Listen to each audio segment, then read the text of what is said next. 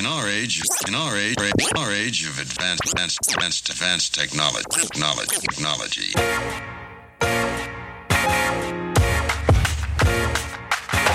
Digit, digit, digital dialogues. Hartelijk welkom. Dit is Digital Dialogues, een zesdelige podcastserie van Adformatie en Google over digital maturity. Over hoe bedrijven met hun marketing echt vooruitstrevend zijn of kunnen worden. Tja, bijna alle bedrijven hebben het tegenwoordig wel over de customer journey, over omnichannel interactie, over personalisatie. Nou, loop een willekeurige corporate vergaderzaal binnen en de hippe digitale marketingtermen, ja, die vliegen je om de oren.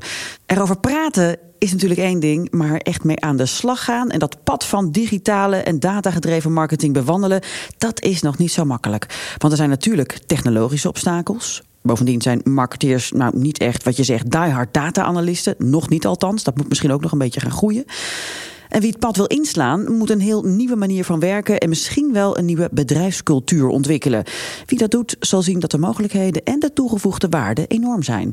In Digital Dialogues ga ik samen met specialisten uit het bedrijfsleven en de wetenschap dat pad van digitale en datagedreven marketing onderzoeken. Mijn naam is Meike de Jong en in elk van de zes afleveringen nemen we een specifieke stap onder de loep. Van de juiste data tot tooling, eh, de customer journey of experience, maar ook van strategische partnerships tot het marketingteam van de 21ste eeuw en de complete bedrijfscultuur. Deze zes stappen zijn gebaseerd op een framework ontwikkeld door Google en BCG, de Boston Consulting Group. Je moet deze serie eigenlijk zien als een roadmap. Mijn naam is Suzanne van Nierop en ik ben hoofdredacteur van Adformatie.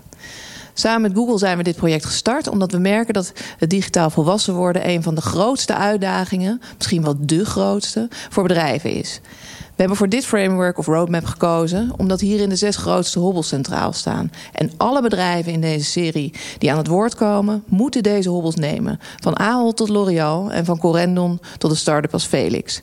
Ik zou zeggen, veel luister en leerplezier.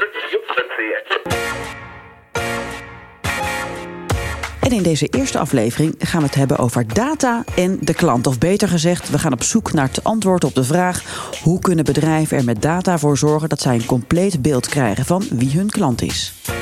En dan ga ik erover praten met Niels de Kind, manager bij Buiradar en RTL Nieuws Digitaal.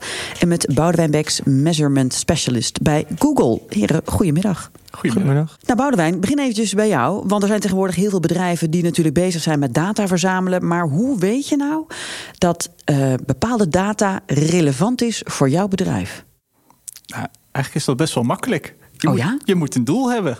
Dus je moet weten wat je ermee wil doen. En dat is best wel een uitdaging, zien wij heel vaak. Ja, want je zegt het is makkelijk, maar eigenlijk is voor veel bedrijven nog een heel nieuw pad om te bewandelen. Ja, best wel. Ja, want uh, uh, wat je ermee wil doen kan totaal anders zijn als jij uh, piano's wil verkopen, uh, dan wanneer jij een grote bank bent en misschien uh, contact wil maken met je klanten. Wat, wat is contact bijvoorbeeld? Hoe, hoe druk je contact uit?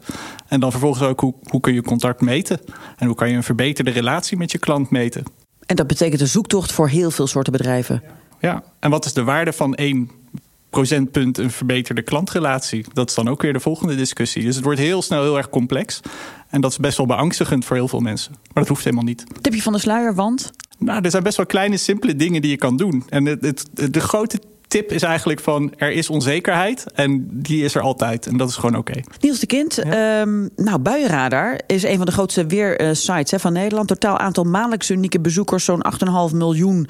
Uh, en waarvan op de app dan zo'n 4 miljoen. Ja. Wat voor soort data willen jullie dan eigenlijk hebben? Wat heb je nodig en waarvoor? Nou ja, je wilt natuurlijk eigenlijk weten uh, niet zozeer wat een bezoeker allemaal bekijkt op je website. Maar je wil ook weten wat zijn interesses zijn. En dat is natuurlijk veel belangrijker. En, maar waarom is dat interessant?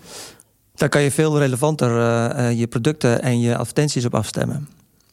En om dat te doen moet je, moet je meer weten dan alleen maar uh, waar, waar, het zoekgedrag of het kijkgedrag op je website. Oké, okay, maar stel je voor, ik ga naar buienradar.nl, want ik wil weten of het in Eindhoven vandaag regent of niet, of vanmiddag of over een uur. Ja. Wat gebeurt er dan? Nou, feitelijk uh, voer je dan een locatie in. En dat is al heel waardevol natuurlijk, want dan weet je waar iemand, als je dat zou volgen, of je dat, als je dat zou opslaan, uh, die locatie, dan kan je daar ook uh, bijvoorbeeld uh, een profiel mee, mee, maken van iemand. maar het, eigenlijk is, de, is de, ehm, de reden dat we doen niet dat we mensen zo graag willen weten waar mensen zich bevinden, maar meer om een dienst te kunnen leveren. Want als jij wil weten wat het weer is op jouw locatie, ja, dan moeten we een locatie hebben. Ja, en dat moet uiteindelijk kliks op gaan leveren en dat moet uiteindelijk. Dat leidt uiteindelijk tot meer kliks. En, en met die data die je dan verzamelt, het feit dat je weet waar mensen zijn, kan je weer verrijken met andere data, zodat je daarmee profielen kan opbouwen. Dat is wat, wat wij uh, op dit moment aan het, uh, aan het doen zijn. En daar zit een verdienmodel natuurlijk achter. Ja, want met die profielen kun je weer advertenties of adverteerders uh, meer relevante boodschappen laten, meer relevante advertenties laten zien op je, op je digitale platformen. Moet je, Boudewijn, eigenlijk dan als bedrijf... en in dit geval bijvoorbeeld hebben we dan het over buienradar... maar er zijn natuurlijk tal van bedrijven die data verzamelen. Moeten ze dus eigenlijk maar zoveel mogelijk data verzamelen? Kijk, we hadden het net over onzekerheid. Dus dan is het heel fijn als je zeg maar, steeds meer verzamelt. Want dan heb je minder onzekerheid. En dan zit er ook nog een soort... Uh, FOMO in bij veel marketeers. Dat je denkt van nou, weet je, fear of missing out, zeg maar. Hè? Dus aan de ene kant denk je van nou, misschien heeft die andere marketeer van die concurrent wel veel meer data en dan kan ik nog veel meer doen. Uh, maar ik denk dat daar ook wel een soort van uh, verantwoordelijkheid zit bij, uh, bij ons en uh, bij, bij jullie ook, bij Buiradar en bij eigenlijk de hele industrie om daar toch een beetje zorgvuldig mee om te gaan. Ik denk dat dat wel de grote uitdaging is van deze tijd. Kun je dat specifieker maken? Ja, nou, niet, niet te veel delen en niet te veel data gebruiken. Dus gewoon daar heel slim en zorgvuldig mee omgaan. En de keuze daarvoor ook. Um, nou ja, aan de ene kant daar, zelf dus als bedrijf goed mee omgaan. Maar ook aan de andere kant uh, consumenten voorlichten over ja, weet je, hoe je dat zo goed mogelijk kunt doen. Ja, maar dat is wel interessant, hè? Want ja. zodra ik op een site als Buienradar terechtkom, weet ik niet in principe wat er van mij allemaal bij Buienradar binnenkomt. En dat geldt natuurlijk voor allerlei soorten bedrijven waar je natuurlijk ja. uh, online contact ja. mee hebt. Dus hoe, ja, je hebt het over zorgvuldig zijn, maar dat. Nou ja, ik, ik vind dat dat transparant moet zijn. Mensen moeten weten wat er van hun. Uh, welke cookies er geplaatst worden, bijvoorbeeld, en precies wat daarmee wordt gedaan. En ze moeten ook de keuze hebben om daar, uh, om daar niks mee te doen. Ja, nou dan kom ik eigenlijk meteen al bij een, uh, iets wat we even aan jullie willen laten horen. Want we zijn de straat op gegaan om eens te horen wat mensen op straat denken dat bedrijven al over hen weten. Adressen, bankgegevens, autogegevens, bedrijfgegevens, verzekeringgegevens, pensioengegevens, samenstelling van ge gezin. Ik denk eindeloos eigenlijk. Als je op internet zit, dan weten ze sowieso alles. Dus je moet zelf een beetje nadenken over wat je waar je te, terechtkomt of hè, wat je erop plaatst. Hè, dat geldt voor alles, hè, net zoals sociale media. Ik vind, gewoon, um, ik vind het heel fijn als ik zelf kan beslissen wat er gebeurt met gegevens. Ook al heb ik niet de illusie dat dat ook maar enigszins in mijn macht ligt. Maar ik vind het eigenlijk de omgedraaide wereld. Ik vind dat het moet zijn dat als je niet zelf ergens op aanklikt of invult... nou oké, dan dus niet. En anders wel. Boudewijn, als je dit hoort, is het een beetje de, de, de, het gemiddelde zoals Nederland erin staat? Nou, klinkt een beetje als een verjaardagsfeestje waar, uh, waar ik vaak zit en uh, vertel bij welk wat voor een uh, organisatie ik werk, als ik heel eerlijk ben. Ja, vertel ja. eens. Nee, ja, dat, dat, gebeurt gewoon heel vaak. Dat mensen zeggen van, joh, maar, maar Google heeft al mijn data en, en dat soort opmerkingen. Um, en ergens begrijp ik het sentiment vanuit de, vanuit de hele industrie. Hè? Um, tegelijkertijd denk ik ook dat, en dat is, dat is het hele ingewikkelde hiermee, en, en dat, dat meen ik oprecht. Um, via Google kunnen mensen via een bepaalde instelling kunnen ze uh, kiezen wat ze willen delen met ons en hoe dat gebruikt wordt. Um, maar het betekent wel dat mensen ook daadwerkelijk daarheen moeten gaan om dat te gaan doen, zeg maar. Dus je moet echt dat willen, willen doen en, en daar vervolgens mee omgaan. En dat, dat um, ja, volgens mij is dat de hele complexiteit van uh, als mensen er echt om geven, dan moeten ze zelf ook die stap zetten en, uh, ja, en, en, daarvoor kiezen. Want het is gewoon mogelijk. En uh, ja, het is ook heel belangrijk dat mensen dat doen. Het is misschien ook, uh, Niels, een totaal nieuwe, nieuwe markt, laat ik het maar zo zeggen. Een nieuwe ontwikkeling in onze samenleving. Dat, dat er dus data van ons worden verzameld. Ja, en dat je er geen controle over hebt. Ik denk dat dat het belangrijkste kern is waardoor mensen huiverig zijn. Um, Kijk, wij doen dat zelf ook. Maar, wij, wij... maar ik vind dus dat er wel controle is. Nou, voor je gevoel niet. Dus ja. uh, um, je, dus niet, je geeft je data af en, en ja, wat ze er verder mee doen, dat weet je dan niet. En je kan er wel uh, misschien bij Google uh, wel um, bij, zeg maar. En bij ons ook. Je kan in de onboarding vragen wij ook gewoon netjes van... nou, mogen we je locatiegegevens, want we willen je ook een dienst aanbieden. Um, je kan ook kiezen om het niet te doen. je kan ook bijvoorbeeld, ja, je kan zeggen van... Hey, ik, ik wil alleen bij gebruik van de app... of ik wil gewoon niet dat jullie mijn locatie... dus dat maakt het wel wat transparanter natuurlijk. Uh, maar goed, wat, wat je vervolgens met de data doet, dat weten ze dan natuurlijk niet. En ik denk dat dat bij de consument gewoon uh, de angst oproept. Moet je dat wel doen? Moet je dat als bedrijf dat inzicht geven aan klanten? Ja, ik denk dat dat, dat is ook verplicht tegenwoordig. Hè. Je moet ook uh, straks uh, al je data inzichtelijk maken en je moet het ook kunnen verwijderen als consument. Wat uh, in algemeen zin wat voor buienradar geldt en voor Google en voor ieder ander bedrijf, is dat, dat er een soort proces plaatsvindt waarin data een rol speelt. En dat eigenlijk je wilt dat mensen daar controle over hebben van wat er gedeeld wordt en, en hoe dat er precies uitziet. En misschien gaan wij gewoon daar heel erg aan wennen. Over tien jaar vinden we dat allemaal heel normaal en zijn we juist blij omdat het ons heel veel diensten oplevert. Heel veel gemak misschien ook wel. Ik denk dat het voorop staat dat we dat uh, op de juiste manier doen. En dat we ook gaan kijken van oké, hoe kunnen we met een, met een dataset van een kleine groep mensen toch een soort inschatting maken over wat de rest van de populatie uh, zou doen. Dus een mooi voorbeeld is tv. Ik geloof dat we al 30 jaar werken met een panel van 3000 mensen of zo. Ja. Die dan zo'n kastje thuis hebben staan en daar dan uh, iets van vinden. In principe zou je voor online ook 3000 mensen nodig hebben. Zou je statistisch gezien hetzelfde resultaat kunnen meten. Dus weet je, Lijkt me prima, toch? Maar en, en, heb je dus veel minder data nodig eigenlijk om uh, tot een juiste beslissing over nieuwe ja. uh, strategie te komen? Ja, en ook. Uh, ik ben afgestudeerd in kunstmatige intelligentie tien jaar geleden. toen was dat echt een topic waarbij marketeers keken van oké, okay, wat de fuck is dit? En wat moeten we hiermee? Dat was echt wel heel, uh, heel raar. Futuristisch? Um, heel futuristisch. En ik wist zelf eigenlijk ook niet zo goed hoe dat in elkaar paste. Nu is een van de soort van kernwaarden van ons bedrijf... is uh, kunstmatige intelligentie en, en ook hoe we omgaan met data en dat soort dingen. En dan merk je ineens dat het um, juist dat soort zeg je dat, oplossingen zijn waarmee je eigenlijk van kleine, uh, kleine datasets heel slim kunt extrapoleren of slim kunt inschatten wat de waarde is van een kleine set mensen. En op basis van beperkte datapunten uh, ja, juist waarde kunt creëren. En ik denk dat, dat, dat daar heel veel toekomst in zit. Dan nog moet je weten wie al die mensen zijn voordat je kan zeggen, nou dit is een afspiegeling van uh, de klanten als we met een kleinere dataset willen werken. Ik bedoel, ik ben vrouw, ik ben 40, uh, blank maar goed, al die andere mensen laten ook sporen achter. Maar dan moet je toch eerst nog weten wie het allemaal zijn. Wil je daarvan dan een kleine groep filteren om, om een goede strategie op te bepalen? Mogen we over statistiek praten?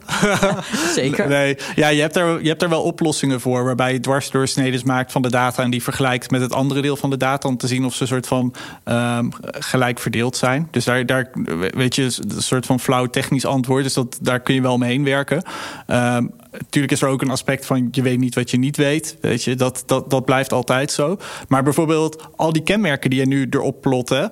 Uh, dus uh, over je geslacht en over je leeftijd en dat soort dingen. Misschien zijn die wel helemaal niet belangrijk als je wil weten of iemand een hoogwaardige of een laagwaardige klant is dat kan je bijvoorbeeld alleen al voorspellen op basis van aankoopgeschiedenis. En dat is gewoon data die dus niet bij Google zit, maar bijvoorbeeld bij uh, een retailer of bij een reisbedrijf of wat, wat dan ook. Ja, oké, okay, maar bij een beautybedrijf bijvoorbeeld vindt het wel, ja. wel interessant om te weten hoe ik eruit zie eh, of welke leeftijd ik heb om mijn gepersonaliseerde reclames bijvoorbeeld te, te, te sturen. Dus het blijft een beetje, je, je geeft Klopt. een goede voorstel, maar ik begrijp ja. niet helemaal hoe je het dan uiteindelijk doet zonder van iedereen nog steeds de data op te vissen. Ja, nou, ik denk dat het goed is om het onderscheid te maken van je eigen uh, soort van klantbase. Hè? Dus je hebt je eigen klantbase met e-mailadressen en mensen die misschien al jaren terugkomen. En daar kan je, laat zeggen, je normale magie mee doen. En dan heb je nog natuurlijk de wereld daarbuiten.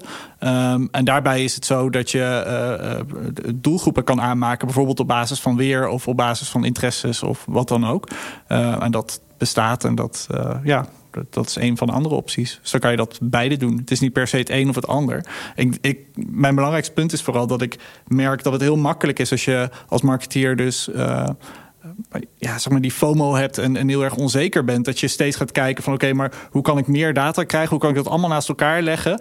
En dan vaak het meest effectieve zijn de mensen waarvan ik toch al het meeste weet. En dat is je huidige klantenbasis. En daar doen mensen dan niks mee. En dan denk ik van ja, dan ben je dus heel veel aan het verzamelen en heel veel aan het kijken naar wat allemaal mogelijk is. Zonder eerst te kijken van oké, okay, maar welke data heb ik nu en wat wil ik daar concreet mee? Ja, en dus eigenlijk komen we weer bij het begin uit eigenlijk. Ja. Weten wat je doel is. Juist. heel erg. Ja. Nou, straks gaan we daar, Ah, ja, ja, zeker. Nou, straks gaan we daar uiteraard verder over praten. Ook over de valkuilen bij het verzamelen van data en wat open data voor je kan betekenen. We gaan eerst naar de benchmark.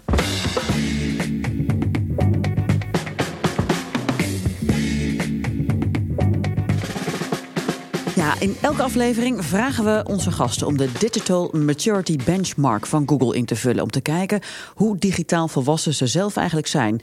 Want er komen vragen voorbij in die benchmark over wie de koers in het bedrijf nou eigenlijk bepaalt als het gaat over digitaal volwassen worden. De inzet van social media campagnes, het verzamelen van data waar we het dus vandaag over hebben.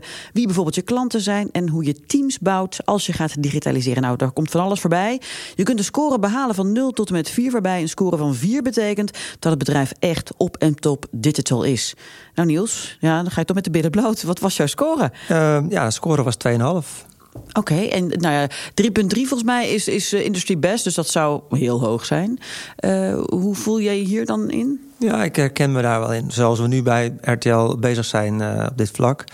er is nog veel werk te doen, maar ja, 2,5 is wel denk ik waar we staan. Ja, en hoe zou je dat kunnen bewerkstelligen, denk je? Uh, nou, door gewoon, denk ik, uh, uh, ja, je organisatie meer in te richten rondom data. dus echt gewoon een data-driven organisatie te worden. En dat heeft tijd nodig. Dat is, dat is best ingewikkeld. Dat is niet zomaar even wat je doet. Er wordt heel veel over gesproken in, in, in de media. En iedereen zegt dat die data-driven is. Maar feitelijk hebben we allemaal nog wel een lange weg te gaan, denk ik.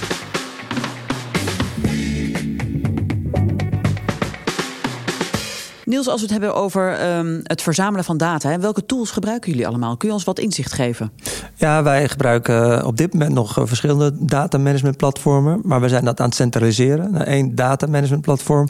En daarbovenop noemen we dat een one consumer marketing platform. Dus eigenlijk verschillende uh, uh, software, uh, platformen of, of, tools, zeg maar, om je consument te benaderen. Dus bijvoorbeeld een e-mail systeem of um, een personalisatietool om, om gedrag te kunnen uitlezen van gebruikers, leesgedrag bijvoorbeeld. En daar kan je dan weer op, op, op targeten. Uh, als adverteerder of als, als uh, journalist ook natuurlijk. Ja, en, en, zijn het dan vooral ook externe die jullie daarvoor naar binnen hebben gehaald? Of is dat allemaal vanuit binnenuit Buienradar ontwikkeld en ontstaan? Dat is eigenlijk RTL breed. En wij, wij liften op, daarop mee als Buienradar. Um, um, dus we hebben uh, in dit geval Salesforce binnengehaald voor het data management platform. En ja, we gebruiken verschillende tools daarbovenop om de consument vervolgens te benaderen. Dus een, een, een e-mail platform van uh, Selligent bijvoorbeeld. Ik weet niet wat waar, we nu mee werken, maar volgens mij is dat nu Selligent. Maar, uh, en um, uh, Blueconic, dat is bijvoorbeeld een systeem waarmee leesgedrag op je website, bijvoorbeeld voor RTL Nieuws, kun je zien welke, mensen, wat, welke artikelen mensen lezen. En daar kun je weer opmaken ook hun interesses. Bijvoorbeeld ze lezen heel veel over sport of heel veel over auto's. En dan kan je dat allemaal in bakjes stoppen. En daar kan je natuurlijk weer ook richting adverteerders, maar ook richting je lezers je boodschap afstemmen. Dus we gebruiken eigenlijk meerdere tools om, om, om nou ja, gedrag en uh, profiel uh, op te bouwen. En wat, wat kan open data misschien daar nog uh, in betekenen, Boudewijn? Denk bijvoorbeeld aan het CBS. Ja, dat is best wel grappig. Hè? Want wat je kan doen is, als je een plan maakt voor je media vooraf... kan je dat soort data gebruiken om te segmenteren. Dus als jij bij het CBS kan uitvinden... waar mensen wonen met een hoger of misschien wel een lager inkomen... of een bepaald opleidingsniveau of misschien wel... Wat, heb je, wat kun je allemaal nog meer opvragen? Ongeveer alles. Inkomen misschien wel zelfs. Nou, dan kan je daar uh, ook weer experimenten op draaien. Kijken wat werkt voor je. Ja, is ja. dat voor jullie nog interessant? Jazeker, want met die locatiedata die wij verzamelen... bouwen we middels verrijking door CBS-data te combineren... en buurtcodes, bouwen wij profielen op.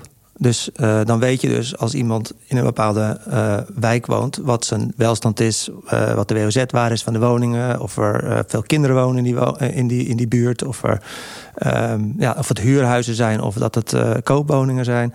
En zo, middels die open data, verrijken wij zeg maar, die datapunten. Zo moet je het zien. En die datapunten gooien we weg. En dan vervolgens houden we profielen over. Groepen van mensen die aan een bepaald uh, profiel voldoen. En wat merk je daar dan van, bijvoorbeeld als klant of bezoeker van, een, van jullie site? Nou, eigenlijk niet. Je, je, uh, ja, tenminste, in zoverre dat, we, dat je daardoor meer gepersonaliseerde advertenties te zien krijgt. Of misschien wel in, in de toekomst uh, producten uh, gaan verkopen. via, dat, via onze kanalen. Boudewijn, ik wil het met jou nog eens hebben even over de valkuilen bij het uh, binnenhalen zeg maar, van, van data. Waar, wat moet je vooral niet willen? Wat moet je vooral niet doen?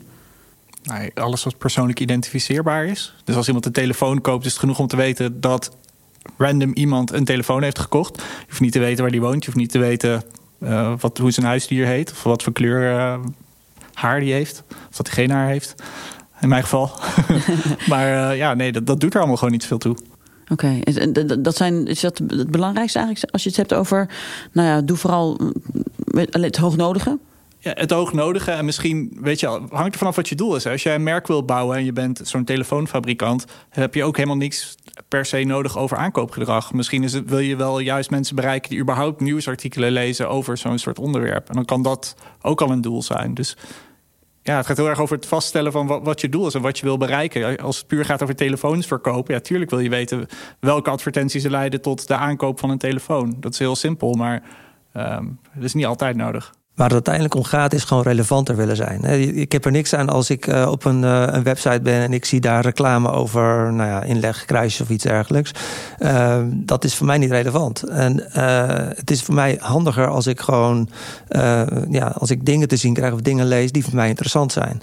En dat wordt wel eens vergeten. We zijn, we zijn bang dat we, dat we dan gevolgd worden, dat, we, dat, dat ze alles van ons weten. Maar als je dat gewoon goed gebruikt en daardoor relevanter wordt voor je gebruik, ook je producten en diensten relevanter maakt, dan is iedereen daar uiteindelijk denk ik blij mee. Nou, even de laatste tip misschien nog wel, uh, die jullie kunnen geven als je uh, als bedrijf uiteraard die digitale transformatie gaat doormaken. Data zijn natuurlijk key, dat is eigenlijk waar het eigenlijk helemaal om draait. Um, ja, welke tips zouden jullie kunnen geven aan marketeers uh, om de juiste data binnen te halen? Hebben jullie een tip in één zin waarvan je zegt dat moet je doen of dat moet je misschien juist niet doen? Ja, ik denk dat het al gezegd is. Het doel is heel belangrijk. Wat wil je bereiken? En, en ja, dat, daar, dat leidt uiteindelijk tot uh, welke data je nodig hebt. En, ja, en een goed idee, denk ik. Een doel en een goed idee van wat je daarmee wil doen. Ja. Experimenten hebben we het ook over gehad. Dat vind ik ook altijd wel een mooie. Gewoon testjes op geaggregeerd, niveau. Um, en, en zeg maar, kijk hoe je met uh, minder data meer kan doen. Hè. Dus oplossingen als machine learning en, en ook de mensen die daarbij horen om dat soort dingen te laten werken. Dat is denk ik super relevant. En leuk ook. Nou, er zijn heel veel tips zo aan het eind van deze, van deze allereerste aflevering. Hartstikke leuk dat jullie waren. Fijn dat jullie dat met ons wilden delen. Dit was uh, de allereerste aflevering van Digital Dialogues. Een podcast van Adformatie en van Google. In de volgende afleveringen komen onder andere automatiseren aan bod. Uh, wat samenwerking met andere bedrijven kan opleveren. Nu je het beste marketingteam opzet. En wat je ook nodig hebt om het hele bedrijf digitaal te transformeren. Nou, wil je nou helemaal niks missen? Abonneer je dan via iTunes, Spotify of waar je deze podcast ook precies uh, luistert. En hou natuurlijk Adformatie website in de gaten en Think with Google. Mijn naam is Meike de Jong. Heel graag tot een volgende keer.